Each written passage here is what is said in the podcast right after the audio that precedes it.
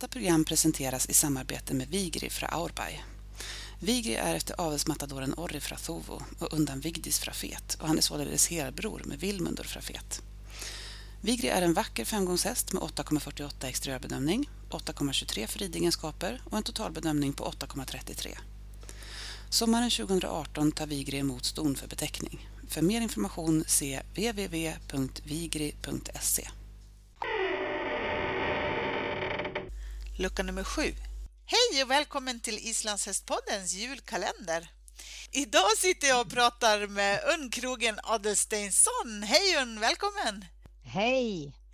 Du, hur och när uppstod egentligen ditt hästintresse? Vi kan säga, det börjar bli många år sedan nu. Jag började på ridskola väl när jag var en 11 år. Ja. Och då börjar man så vanligt på en ridskola då. Och sen så såg jag bild på några islandshästar på Island med mycket päls på. Och då bestämde jag mig för så länge sedan att jag ville ha sån häst med päls på. Ja, jag visste ingenting om gångarter eller någonting men jag, Ja. jag tycker ju om djur med päls. Ja, Om det är katter eller hundar eller hästar. ja Och precis. jag visste ju den gången inte om att islandshästar hade tölt och så. Det var bara mest att jag har alltid varit kär i ponnysar, Mm. alltså små hästar. Ja, Och då bestämde jag för att jag ville ju önska mig en sån då. Men det tog ju två, tre år. Jag var 13 när jag fick min första islandshäst. okej. Men du Unn, bodde du i Norge då? Är du född i Norge eller hur, hur är det här? Jo, det stämmer. Jag är född i Norge. Ja. Så, så på den tiden när du gick i ridskola och så, då var det i Norge som det var? Ja, det stämmer. Ja, Och det var ju så där som det var förr i tiden. Vet du. Man fick mycket skäll och man var 15 stycken på samma lektion och man lärde sig väl inte så där jättemycket i början. nej. Så när jag fick häst så tidigt, jag har ju inga föräldrar eller någon uppväxt med hästar som kunde någonting så att de, eh, min mamma gick bort och eh, då bestämde de sig ju att jag skulle få en häst Okej. min pappa då. Så, så var det det började. Ja. Men du, har det alltid varit islandshästar för dig? Du, du började då på, på andra ponnysar, Har- men efter det, när du fick din första häst, blev det islandshästar sen då fortsatt? Nej, jag har hållit på med storhäst också. Ja. Så på slutet av 70-talet så köpte jag mig faktiskt ett halvblod. Ja, ja. Jag tyckte om fälttävlan, fälttävlan och hoppning. Mm. Och ville gärna liksom prova mig på det också. Vi försökte ju på den tiden att hoppa med isisarna också. Det gick ju sådär. ja. Eh, Jag vill ju påstå att de inte är, eh, i alla fall den jag hade var inte speciellt talangfull. Så att då blev det ju kombinerat både storhäst och islandshäst under en eh, sju, åtta års period där jag tog min första utbildning också både på islandshäst och på stora hästar. ja just det. Du, Så då och, håller ju på med det. ja, precis. Och sen har du ju jobbat sen med hästar. Berätta om Ja, det. sen alltså jag flyttade hemifrån när jag var 17 och började på ridskola med islandshäst. Mm. och har jobbat som instruktör sedan dess. Ja. Och då har du varit både i Norge och på Island och nu i Sverige? Ja, ja det stämmer. Ja, hur länge var du på Island? Jag var på Island i fyra år, från eh, 1988 till 91. Ja. Och sen när du kom tillbaka, åkte du tillbaka till Norge då eller var det då du kom till Sverige efter det eller? Nej, vi flyttade tillbaka till Norge först Mm. och var där några år och sen flyttade vi till Sverige 2001 för jag hade så mycket kurs i, i Sverige då. Mm. Och så bestämde vi att då kunde man lika gärna bo i Sverige som att åka dit nästan varje helg. Mm. Så så var det, vi kom oss till Sverige och så bestämde vi att vi ville bo i Skåne då, för vi tyckte det var så käckt för det ligger centralt i Europa och lite så. Mm. Så så var det vi hamnade i Skåne. Ja. Ehm, Du är ju en väldigt känd tävlingsryttare. Vi har ju sett dig på tävlingar och du är ju ständigt på hög nivå, eh, ofta i landslaget och så. Ehm, eh, Annars har du, du har träningar så du åker runt och är instruktör. Tar du emot hästar hemma också så eller hur ehm, är det, är det flera ben så att säga som du står på? Nej, just nu är det bara kursverksamhet som gäller. Jag har hållit på att träna hästar i många, många år. Mm. Sen typ i, ja, det var det där jag kommer ihåg när jag började ta träningshästar. Det måste ha varit någon gång på 90-talet. Mm.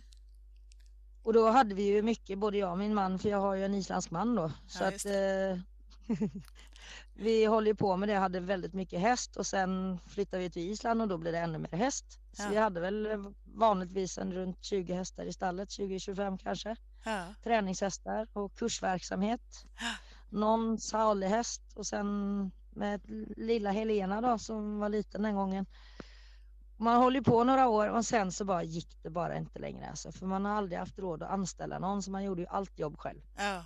Från att mocka och fodra ut och insläpp och rida och åka iväg och hålla kurs och Helena liten och hon stackars växte upp på en del ridkurs när hon Ja. var liten. Ja.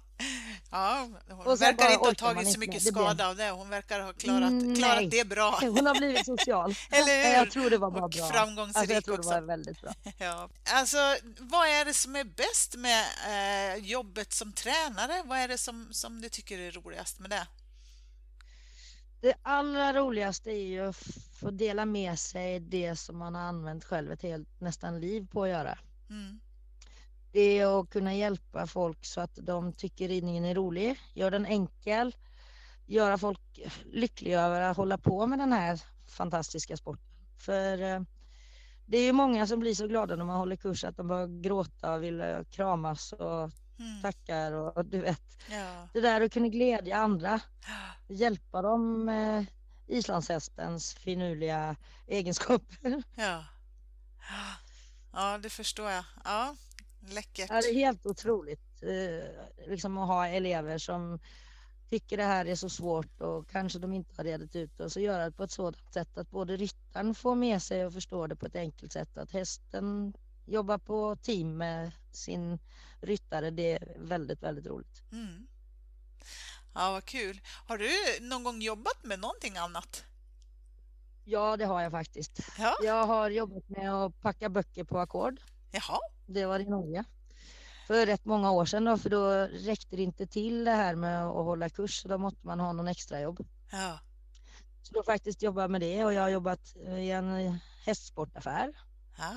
Det var ingen grej för mig. Nej. För då, nej. Det blev väldigt mycket så äntligen var det dödtid eller det var liksom plötsligt många som kom samtidigt så det var stå i kassan. Det var inte så givande. Nej. Ja. Sen har jag jobbat i manpower. Det betyder ett sånt här företag som hyr ut dig som ett vikarie i olika typer av jobb så man fick prova lite olika saker. Okej. Ja. Spännande. Men eh, ja, det var ju spännande men det var ju tillbaka igen till hästvärlden igen. Jag hade ju häst under hela tiden men då hade jag mindre kursverksamhet då. För att Ja. man, klart det är jobbigt att åka iväg alltid på en fredag och komma hem på söndag. Ja, jo, det är så. Du, om det Speciellt inte... när man är lite yngre. Ja, precis. Du, om det inte hade varit hästar du hade hållit på med, vad tror du du hade gjort då? Har du någon annan passion sådär som du hade låtit Alltså, blomma, tror du? Ja, jag håller ju på mycket med hund en gång i tiden. Ah, och tävlade i lydnad. Ja. Så det var väl min andra person, för jag kommer ihåg när jag var liten, eller det är inte jag som kommer ihåg, men min äldre syster kommer ihåg att jag sprang runt med henne i koppel och okej. lekte hund. Ja, Så det. att det är väl min andra passion om man säger så. Ja, ja, precis. Så där hade det varit hundar som du hade hållit på med istället? Ja, det var nog det, för jag håller på med en hund ifrån 1980 till 87-8. Mm. En eh, border collie som hette Santo som vann både norska mästerskapen och nordiska mästerskapen i lydnad en gång. Ja. Åkte runt och hade uppvisningar och sånt och det var väldigt roligt. Ja, vad häftigt. Du, någon häst som, du, som har betytt mycket för dig, kan inte du berätta om? Vem, vem är det? Du kan säga det att det är ju rätt många man har varit igenom de här åren och de har Ja, liksom gjort ett litet märke allihopa. förstår det. Så jag, det är nästan lite svårt att välja. Det är nästan lättast på något sätt att välja den jag har nu tror jag. Ja, Alltså det är en väldigt svår fråga just Mm. för att man har haft hästar som har, jag i 81 mitt första VM eller då, den gången heter EM. Mm. Den fick jag ju låna just för att den bockade av sina ägare. Aha. Och då var jag ung och, in, och orädd så då fick jag låna den och det var första gången man kan kalla genombrottet på EM i Larvik i 81. Mm. Då jag blev tvåa i fyra gånger tölt. Mm. Och sen har det rullat på med lite olika hästar. En annan häst var ju den jag lånade på Island och red landsmot på som hette Kraki. Mycket, mycket speciell häst. som var väldigt, väldigt svår.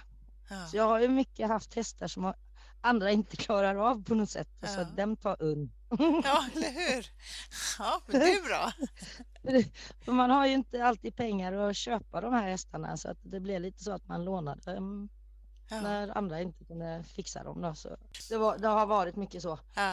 Ja. Tills jag nu börjar bli äldre och inte orkar de hästarna längre. För nu är man blivit, ja faktiskt får jag erkänna att jag sätter mig inte på vad som helst längre. Nej. Av bättre vetande. Det är väl klokt? Och, ja men det är ju det. Alltså, jag, mitt motto där är att det är ingen häst är värt att hamna i rullstol säger jag. Nej, det kostar för Och mycket att ramla av. Liksom. Ja, ja det är inte liksom hobbyn längre. Nej. Så den jag har nu är väl den som har fäst sig mest i mitt hjärta på något sätt. För att man blir äldre och man blir klokare och den relation jag har med den hästen jag har nu, Raptinur, han, den är väldigt speciell. Berätta om honom. Alltså han är ju en diva. Okej. Han är världens snällaste häst, men han är en diva. Mm. Och kanske den mest bortskämda hästen i stallet. Han har sina synpunkter på saker. Men får du han med dig så gör han, alltså han har aldrig svikit på något sätt. Han ställer alltid upp. Ja. Men Ja, det är viktigt just det, det blir som ett gammalt äktenskap det där när man har haft en häst. Det är väl en av dem jag har haft längre. Han är femte året nu. Mm. Så han känner mig och jag känner han. Jag vet vad han tycker om, jag vet vad han inte tycker om. Så man försöker undvika de sakerna som gör att det blir en konflikt. Då. Ja, precis. Man väl kanske har smart. blivit klokare. Ja, blivit klokare på alla år man har hållit på. Ja, Man var mer envis när man var yngre vet du. och Ibland så gick det och ibland så gick det inte. ja, precis. Man får lov att välja sina krig liksom. Ja, det är lite så. Mm. Så att eh, det är flera gånger vi har tävlat som det känns lite nästan overkligt. Mm. Just för att ha- han förstår vad han ska utföra och blir väldigt, väldigt stolt av att förstå det och utföra det. Så det är en väldigt speciell känsla. Mm. Ja, härligt. Och det är väldigt roligt när folk kommer och gratulerar och gråter en skvätt liksom för de tycker det var så fint. Ja. så då, om man kan beröra folk liksom på det sättet så är det väldigt roligt. Ja, Försöka absolut. visa den glädjen. Jag tycker det är så himla kul just det att bli vad ska man kalla det? Det hörs ju lite klichéaktigt. Att bli ett med hästen på något sätt. Mm. Men det är väl det man, man strävar efter så att säga. Ja, och man kan bli det på olika sätt tror jag. Mm. Eh, ja, det, det är lite oförklarligt just det där. Eh, den relationen jag har med han nu, den är väldigt speciell. Jag har inte haft det med någon annan häst som det är så speciellt tycker jag. Nej. Ja, vad härligt. Ja, det, det märks när man ser er också, tänker jag. Att det, det syns att det är... Ni är ju ett fantastiskt ekipage att titta på. Eh, ni ser väldigt nöjda ut båda två. Ja, men vi har det väldigt roligt. Ja, vi har vad det. kul. Och det, det är ju viktigt, alltså, det kan jag säga. Han, han är speciell på så sätt att eh, ja, när han är hemma så är det ju inget bankande i stallväggen eller något. Men när vi är på tävling så bara han hör min röst så ska han ju dunka i väggen då, för då må han ju få lite att äta. För det är så tråkigt att stå i boxen och så. Ja, Som det ofta blir för hingstarna när de är på tävling. Så då vet han ju att det funkar. mm. Alltså, ja. ja de är smarta alltså. ja, alltså han är väldigt smart. Han är nog lite smartare än det är gott för han tror jag. Okej. Så vi har ju sån här slicksten som man får slicka på efter man har ridit. Ja, För då är det lite ritualen när man har ridit. Då ska man torka ansiktet med handduk och så Ja. får han äntligen morot på golv eller en sån, du vet de här slickkopparna som man köper där. ja, precis. Och om jag inte är snabb där så tar han den själv, sätter den på golvet och tar av locket och börjar själv. så att han är bra på det. Ja, vad härligt. Ja, han är, han är lite söt där, ja. Mm. Du, du har ju redan uppnått så otroligt mycket inom islandshästvärlden. Vad har du för drömmar Ja. kvar? Vad är det som driver dig vidare och vad skulle du vilja bidra med i framtiden? Eh, ridmässigt så vill man ju gärna dela med sig av just det, den relationen man kan få med hästen om man verkligen ger sig in på det. För det är klart man har offrat mycket annat för att komma dit man är. Många är ju ofta avundsjuka på oss som får resultat och tävlar mycket och man syns kanske på något sätt som kanske andra vill. Mm. Men du kan säga just att tävla gör det inte till någon bättre människa. Nej. Det vill jag nog väldigt gärna precisera. Mm. Alla är lika mycket värda än om du får en blågul rosett eller om du inte ens är i final. Mm. Så det kan bli lite lätt så för unga som kanske vill fram till det nivået att de tror att då blir man så lycklig. Men när man kommer hem så är det ju det vanliga igen Mm. med mocka och väga hö och Ja. betala Precis. räkningar. Och... Man blir inte rik av det här. Nej. Så att man må ha något annat som driver en och det är relationen med hästen. Precis. Det vill jag mena. Ja. Och det är det som driver dig? Ja, det är mycket det som driver. Försöka liksom att komma nära hästen och bli en vän med den alltså. Ja. Inte bara prestera på banan. Nej. För jag menar att det krävs rätt mycket tid i stallet också. Ja. Så man vet många idag har hästskötare och hjälp, som hjälper till och många kanske växer upp med att inte göra allt själv. Nej, precis. Där tror jag de missar ett väldigt viktigt poäng. Mm. För så är ju speciellt jag och Helena har försökt att vidareföra det. Ska man tävla och få verkligen till max ut av hästen så må man också orka de dagarna det är dåligt väder, det är kallt, det är skitväder, man är trött. Men hästen kommer alltid först. Och inte bara för att det är en plikt, men för det man älskar hästen så mycket att Ja. det är liksom värt det istället för att åka på semester eller åka på stan på något party eller gå på bio eller gå ut och äta eller något annat. För det har man verkligen, alltså det blir ju liksom den här prioriteringen med hästen kommer alltid liksom först om man säger så. Mm. Ja, det är ju så. Du, em, tänker du fortsätta att ha kurser och träning? Ja, Ja. så länge jag inte har gått ut på datum säger jag, så länge jag har rösten i behåll Ja. så kommer jag fortsätta. ja, det är bra. För jag har just nu haft jättemycket kurs hela hösten och folk blir ivriga och vill gärna komma igen och är så tacksamma och det är klart det driver en till att liksom fortsätta. Så nej, jag tycker det är väldigt roligt och jag vill gärna fortsätta så länge det går Mm. och förmedla och dela med mig. Har du mycket kurser hemma? Där i, ni har ju ridhus och så, en fin anläggning där, där ni bor. Eller åker du mycket ut på kurser? Eller? Jag åker mycket ut för det är ju en väldigt begränsad mm, människor som har möjligheten att komma hit om man säger så. Mm. Och sen vi, vi har en väldigt bra anläggning men vi har ingenstans för folk att bo. Det har vi inte investerat i ännu. Nej, okej. Så att det blir ju att de måste bo på något vandrarhem eller något i närheten då. Mm. Och då når man ju inte runt till alla andra människor för det är inte alla som har möjligheter. Alltså jag är ju i Sundsvall och jag är i Danmark och jag är i Norge, olika ställen på västlandet. De kan inte komma hit. Nej, just det. Så det är lättare att flytta på mig Mm. om man säger så. Mm. Ja, jo, så är det ju. Absolut. Ja, Men vi gör det ju i några sammanhang men vi märker ju att eh, det är lättare faktiskt och större efterfrågan alltid längre bort. är det så? Ja. Jag Ja. har inget svar på det, för när man bodde i Norge var man mycket i Sverige, men nu börjar jag vara väl så mycket i Norge så jag vet inte vad det beror på. Okej, ja, du ser. Ja, men det är det. Det är ett roligt yrke tycker jag i alla fall. Ja. Och fortfarande tycker jag det är kul, så då får man ju hålla på. Ja. Ja, men det är så att för en del år tillbaka så jag är inte så bra på att skriva, jag har det i huvudet. Det känns som att jag har en jättedator om, om hästar i huvudet.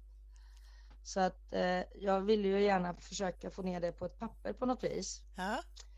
Men jag är inte så bra på att skriva ner det på papper, då blir det helt tomt. Ja. Så att eh, då fick jag en kompis av mig och hjälpa att hon ställde frågor och sånt om hästar och ridning bara för att komma igång. Och så skrev hon ner för då började det komma. Så hon skrev ner då svaren på alla de frågorna hon kom med. Och så fick vi ihop någonting. Och sen eh, flyttade hon ett, ett, en bit ifrån och jag flyttade. Och så har det bara blivit liggande. Mm. Och jag hade ju liksom tänkt att boken skulle heta När det inte går som det står i boken. För det finns ju massa ridböcker idag. ja, visst. Så det är ju inte ett så stort behov. Men just det att skriva en bok om vad gör man när det inte går som det står i boken. Det är ju det som jag gör i mitt jobb. Hjälpa till när det inte går som det står i boken om man säger så. Ja, precis. Och så har jag inte kommit längre än det för det blev så jobbigt så skulle man försöka få ett förlag, ska man renskriva det här och skulle man få ett, ett förlag till att skriva, alltså att skriva den här boken. Och sen plötsligt fick jag lite panik också för att hur lätt det är att missuppfatta när man skriver någonting. Ja. Och sen har det bara legat på is. Ja. För det är ju det är så, det kan lätt missuppfattas om du skriver någonting, för det vet man ju i alla tillfällen.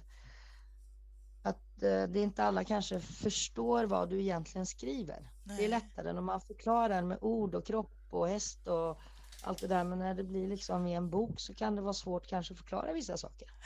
Ja, då får du ha en bra fotograf som kan illustrera samtidigt också då kanske. Ja, och tänk om jag hade videofilmat alla mina kurser genom 40 år. Ja. Det vore bra. ja eller hur? då, då kunde man ju gjort en video till Mm, precis. Ja, du får börja som nu då. boken. Men eh, jag har inte gett upp ännu. Nej. Det finns fortfarande en chans, men det hade varit kul att skrivit en bok och haft video till så man kunde liksom Ja, då står det på den sidan i boken och så kan du spola fram till det och det liksom. Mm. så kan man se relationer vad det står liksom och Mm. titta på en video. Jag Mm. tror det hade varit det bästa. Ja, vad spännande. Du, vi är nog många som ser fram emot den boken och den filmen. Det ska bli roligt. Ja, och ju fler som pushar så kanske jag kommer till skott också. Ja, precis. Ja, vad härligt. Ja, nu kommer det ut liksom över hela Islands hästvärlden här, i alla fall alla de som lyssnar på det här programmet. Eh, Så att eh, Ja. nu får du ett stort tryck efter det. Ja, men det, det kan ju vara bra att jag behöver nog det. Ja, vad härligt. Ja, det här ser vi fram emot. Du, stort tack för ditt stora engagemang och eh, din värme och din glädje som du sprider. Och vi ser ju förstås mycket fram emot att följa dig vidare och god jul och gott nytt år på dig. Tusen tack, god jul och gott nytt år på dig och på alla som lyssnar. Detta program presenteras i samarbete med Vigri fra Aurbay. Vigri är efter avelsmatadoren Orri Frathovo och undan Vigdis Frafet och han är således helbror med Vilmundur Frafet. Vigri är en vacker femgångshäst med 8,48 exteriörbedömning, 8,23 för ridegenskaper och en totalbedömning på 8,33. Sommaren 2018 tar Vigri emot ston för beteckning. För mer information se www.vigri.se.